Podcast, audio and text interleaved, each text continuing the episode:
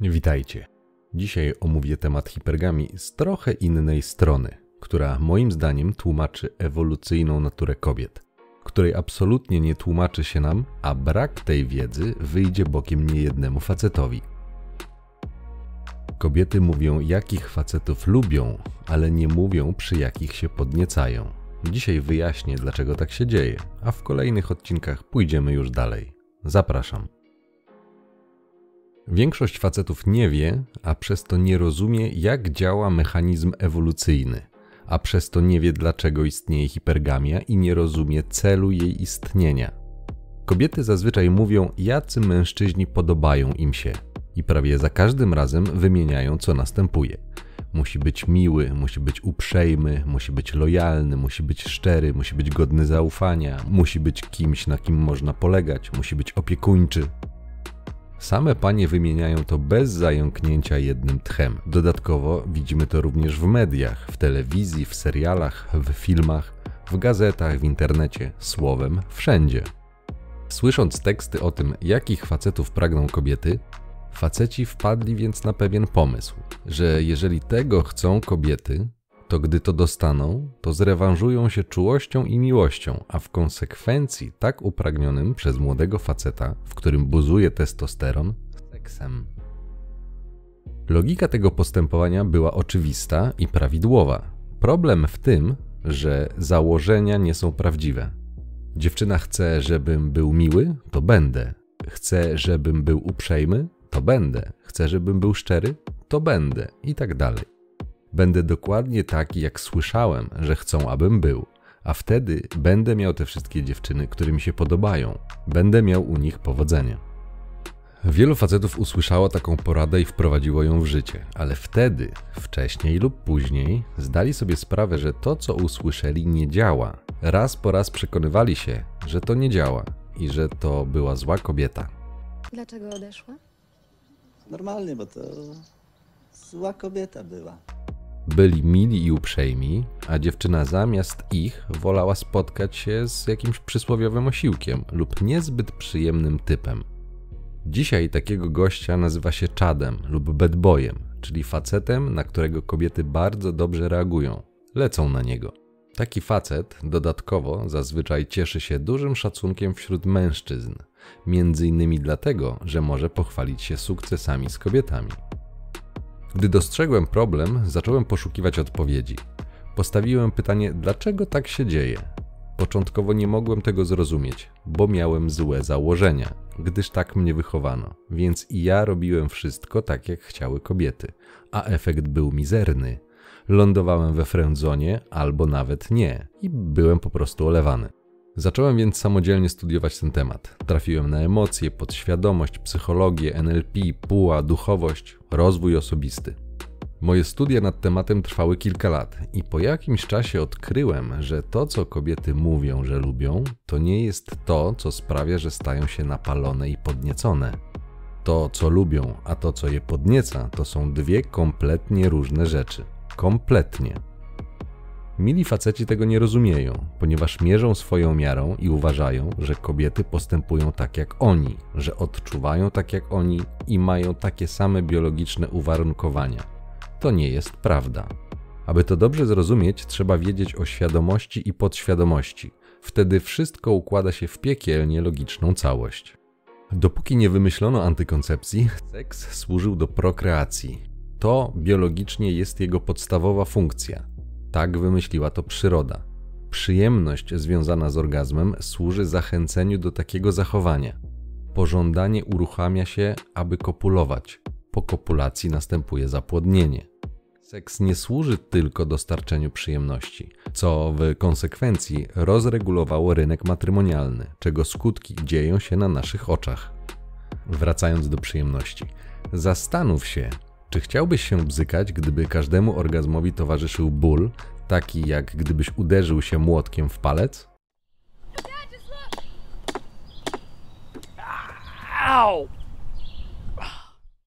O nie, bólu unikamy, dążymy do przyjemności, to oczywiste. Ironiczne pytanie, dlaczego orgazm jest tak przyjemny? To na pewno zupełny przypadek. Natura akurat tutaj się pomyliła. Teraz proponuję mały eksperyment myślowy. Wyobraź sobie, że cofasz się w czasie 100 tysięcy lat, a dodatkowo jesteś kobietą. Jakiego mężczyzny potrzebujesz, aby zwiększyć swoje szanse na przetrwanie? Czułego, płaczliwego, niepewnego siebie romantyka, który nie skrzywdziłby muchy? Pamiętaj, że nie było wtedy instytucji państwa, nie było ZUS-u, nie było nawet lekarzy, nie było sklepów ani policji czy wojska. Mężczyzna w wieku 40 lat był uważany za starego, był dzisiejszym dziadkiem. Kogo kobieta potrzebowała, aby przeżyć i skutecznie się rozmnożyć w takich warunkach?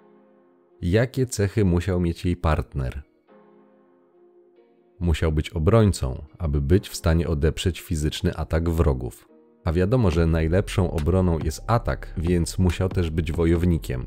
Aby nim być, musiał być też pewny siebie, by móc pokonać swój strach. Najlepiej, aby był też przywódcą, czyli był na górze hierarchii, bo wtedy plemię jako całość dodatkowo chroniłoby takiego mężczyznę. Poza tym musiał być łowcą, aby dostarczyć codziennie jedzenie, bo nie było sklepów ani nawet lodówek, aby wydłużyć czas psucia się upolowanego mięsa. Dzisiaj powiedzielibyśmy, że musiał być dostarczycielem, prowajderem. Musiał być mądry lub mieć wiedzę, aby unikać niebezpieczeństw, jakie wtedy czyhały na każdym kroku, a błąd najczęściej oznaczał śmierć. Te wszystkie cechy to są akurat typowo męskie archetypy. Znajdziecie je na przykład u Junga. To nie jest przypadek. Te cechy to definicja silnego mężczyzny. Silny, sprawny, mądry i groźny wojowniczy i dominujący. Te atrybuty czynią mężczyzną. W potocznym rozumieniu to część definicji męskości. To są cechy, których kobiety w naturalny i automatyczny sposób pożądają. Takie są zasady gry. Nic nie zmieniło się od 100 tysięcy lat. Dziewczyny wolą dupków, bo dla ich gadziego mózgu to oni reprezentują sobą cechy, jakie są potrzebne do przeżycia. Dlatego się przy nich podniecają. Miłość istnieje, ale nie ma nic wspólnego z biologicznymi strategiami reprodukcyjnymi. To pożądanie jest podświadome. Tysiące lat temu ludzie żyli w małych grupach. Nie mogłeś zadzwonić po straż miejską czy policję, jeżeli napastnik wdzierał się do twojej jaskini. Albo obroniłeś się, albo lipa. Game over. Bezpieczeństwo kobiety zależało od siły, zaradności i pozycji mężczyzny. Jeżeli mężczyzna, którego wybrała kobieta, nie cieszył się szacunkiem, to kobieta też się nim nie cieszyła. Kobieta, jeżeli miała mieć dziecko, to chciała, aby ono przeżyło i miało takie same cechy jak silny ojciec siłę i możliwość przeżycia i pozycję jak tatuś. Brak szpitali sprawiał, że słabe geny gwarantowały śmierć potomstwa. Nie ma danych, jak w tamtych czasach wyglądała śmiertelność noworodków, ale można bezpiecznie założyć, że była o wiele wyższa niż dziś. Dla przykładu, śmiertelność noworodków w Pakistanie jest wyższa o 50 razy niż w Polsce. Dane znajdziecie na stronach UNICEF-u. Jest podział na kraje, można to łatwo sprawdzić. Więc możemy założyć, że w zamierzchłej przeszłości było jeszcze gorzej 100, 200, a może i 500 razy gorzej. Zatem założenie, że kobieta, aby zmaksymalizować swoje szanse przetrwania i sukces reprodukcyjny, potrzebowała po pierwsze silnego faceta, aby pomógł jej przeżyć, po drugie, aby dzieci były tak samo silne jak on, co jest całkowicie uzasadnione, logiczne i racjonalne. Miała oczywisty interes w tym, aby jej dzieci były równie silne, bo to maksymalizuje szanse na ich przeżycie. Bo w przeciwnym razie chore potomstwo będzie bardziej narażone na śmierć. Po prostu. Selekcja naturalna powodowała, że słabe geny nie były przekazywane dalej, ponieważ umarły, zanim zdążyły się rozmnożyć. Jakkolwiek mało przyjemnie to brzmi, tak to wyglądało. Natura nie jest zainteresowana prywatnym szczęściem jednostki, tylko przeżyciem i przetrwaniem. Prywatne szczęście to Twoja sprawa, dlatego musisz wiedzieć. Bycie miłym, bycie pomocnym to nie są złe cechy, ale 100 tysięcy lat temu nie były pomocne w przetrwaniu przynajmniej nie były stawiane na pierwszym miejscu. Gdybyś wtedy był kobietą, to taki przysłowiowy słodki miś w tamtych czasach na niewiele by się przydał. Dlatego kobiety do dziś nie podniecają się przy słabych samcach, ponieważ seks ze słabym samcem niósł ogromne ryzyko. Natura właśnie w ten sposób chroniła kobiety, wycofując podniecenie przy słabym osobniku.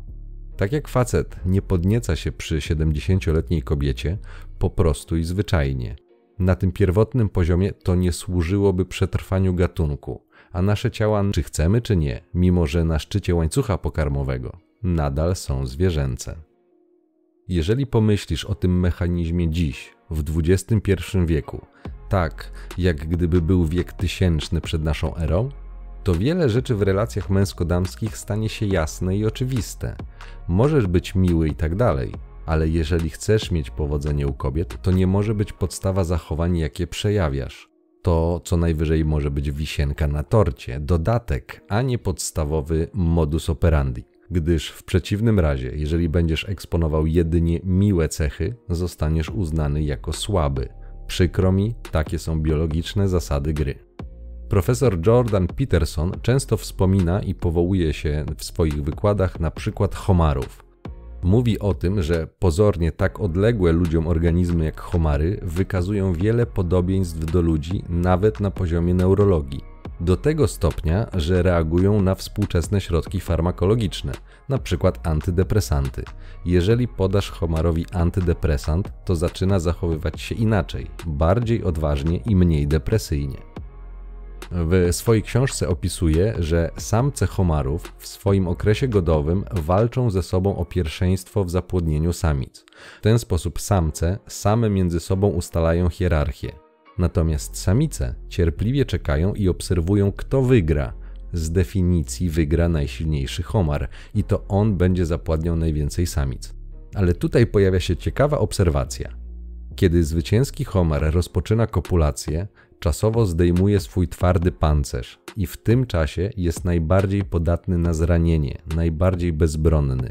Gdy zakończy się zapładnianie, szybciutko z powrotem wskakuje w pancerz i wraca do świata, aby walczyć.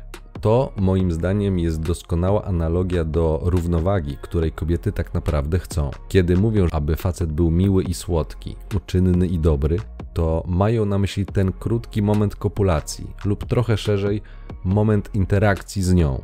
Co jest oczywiste, ponieważ żadna kobieta nie chce, aby facet skręcił jej kark w czasie stosunku lub zachowywał się agresywnie w stosunku do niej lub do jej potomstwa, ponieważ byłoby to oczywiste zagrożenie, ale chce, aby jej facet w takim przypadku, tak jak na przykładzie Homara, był dominujący i silny oraz aby był zwycięzcą. Dopiero teraz mogę rozwinąć hipergamię, którą pani z kanału Olfaktoria pokazała nam w odcinku. Chciała, aby dla niej facet był miły, ale dla innych ma być nieugiętym, zwycięskim wojownikiem. To jest dokładnie to, co ona powiedziała i miała rację z ewolucyjnego punktu widzenia. Mam nadzieję, że ten odcinek pozwoli Ci jeszcze lepiej pojąć biologiczne mechanizmy, które sterują ludzką strategią reprodukcyjną. Dlatego mówiłem już wcześniej, że błędem jest obrażanie się na kobiety za to, jaką mają naturę. Najlepiej ją zrozumieć, ponieważ to biologia. Tak jak my, faceci, zajrzymy w każdy napotkany kobiecy dekolt, to też jest nasz program biologiczny. Tak kobiety będą reagowały na silnych facetów. Kiedy jakaś pani jest z tobą w intymnych sytuacjach, chce, abyś był miły i dobry oraz czuły ale to tylko w tym kontekście. W pozostałych wypadkach kobieta pragnie, abyś był silny i dominujący. Część facetów, którzy po wielu porażkach z kobietami i byciu skrzywdzonym przez nie, zrobiło zwrot swojego zachowania o 180 stopni, często do tego stopnia, że zaczęli nienawidzić kobiet. Ale oni też zauważyli, że dziwnym trafem im gorzej traktowali kobiety, tym one zaczęły lepiej reagować na nich. To właśnie z powodu, który przedstawiłem wcześniej ponieważ nie dawali się już zdominować, a to było postrzegane jako silne. Dlatego przestrzegam, abyś nie nienawidził kobiet, ale musisz wiedzieć, jak działa ta nasza podstawowa biologia, bo na tym poziomie po prostu tak działa. Jeżeli trafisz na tą mityczną dobrą kobietę, to nie będziesz musiał stosować tej wiedzy w praktyce, ale na wszelki wypadek musisz wiedzieć. W tym miejscu powiem ciekawostkę. Bardzo często, jeżeli w łóżku będziesz również dominujący, co mówiąc delikatnie, żeby nie powiedzieć inaczej, ociera się o perwersję, spowoduje, że kobiety będą przeżywały niesamowite rozkosze. Pamiętam, kiedy pierwszy raz kobieta poprosiła mnie, abym zmniejszył jej trochę dopływ tlenu. Pamiętam jak dzisiaj, ponieważ na początku byłem przerażony. Pomyślałem sobie, jak to? Chcę, abym sprawiał jej ból? Ale pokonałem strach i spełniłem jej prośbę. I stało się coś, czego absolutnie się nie spodziewałem. Gdy spełniałem jej prośbę, na jej twarzy zarysowała się rozkosz, jakiej nie widziałem nigdy wcześniej u żadnej kobiety w intymnej sytuacji.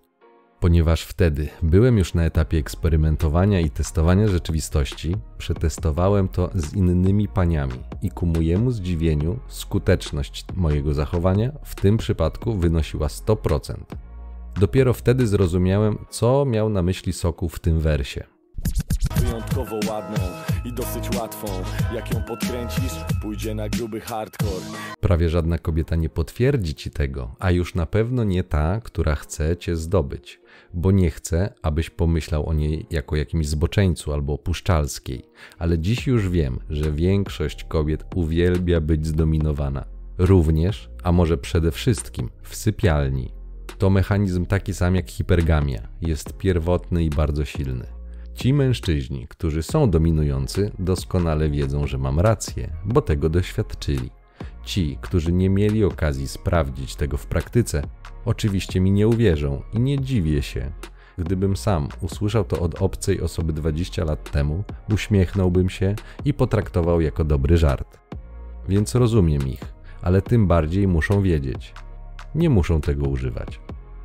Biologiczna natura kobiet jest niezmienna od tysięcy lat. Nic się nie zmieniło. Podniecają się przy silnych mężczyznach, dlatego zachęcam cię, abyś rozwijał się, pracował nad sobą, bo po pierwsze, to pomoże ci w tym fizycznym świecie, a efektem ubocznym będzie zainteresowanie ze strony kobiet.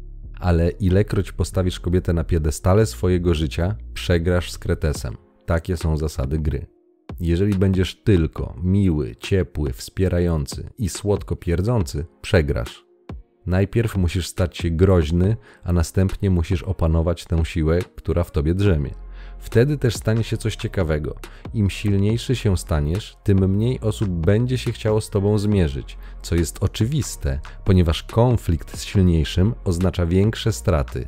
Wiesz to z ostatniego odcinka o teorii gier więc coraz mniej ludzi będzie ryzykowało potyczkę z tobą, a to z kolei spowoduje, że będziesz cieszył się coraz większym szacunkiem. Ot, taki życiowy paradoks. Im silniejszy jesteś, tym rzadziej musisz walczyć. Trochę jak w cytacie z Ewangelii. Kto ma, temu będzie dodane, i w nadmiarze mieć będzie. Kto zaś nie ma, temu zabiorą nawet to, co ma. Ktoś, kto pisał Biblię, musiał coś wiedzieć, ale to temat na inny odcinek w drugą stronę. Z tego powodu, jeżeli zaczniesz nadskakiwać swojej kobiecie, stawiać ją na piedestale oraz bombardować ją miłością i tylko pisać wiersze i poematy, to jest najprostszy sposób do zakończenia relacji. Jeżeli chcesz rozstać się z dziewczyną, ale tak, żeby to ona podjęła taką decyzję, to zacznij być właśnie taki. Sama cię zostawi i to szybciej niż myślisz ponieważ szybko uzna cię za słabego, a do gry wejdzie hipergamia i nic więcej nie będziesz musiał robić. Jeżeli chcesz to przetestować, bo akurat masz taką sytuację i potrzebę, to zacznij wysyłać kobiecie słodko pierdzące wiadomości kilka razy dziennie. Jak to ją kochasz, jak to się stęskniłeś, jak chciałbyś się z nią zobaczyć, jak to twoje serce bije dla niej i tak dalej. W ciągu tygodnia zauważysz zmianę zachowania w stosunku do ciebie. Zainteresowanie zacznie być wygaszane i kobieta najczęściej nie ma nad tym kontroli. Musisz to wiedzieć, bo takie są zasady gry.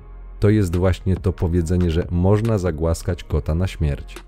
Być może zauważyłeś, że im bardziej latałeś za dziewczyną, tym bardziej ona odsuwała się, ale im bardziej miałeś wywalone, tym ona mocniej latała.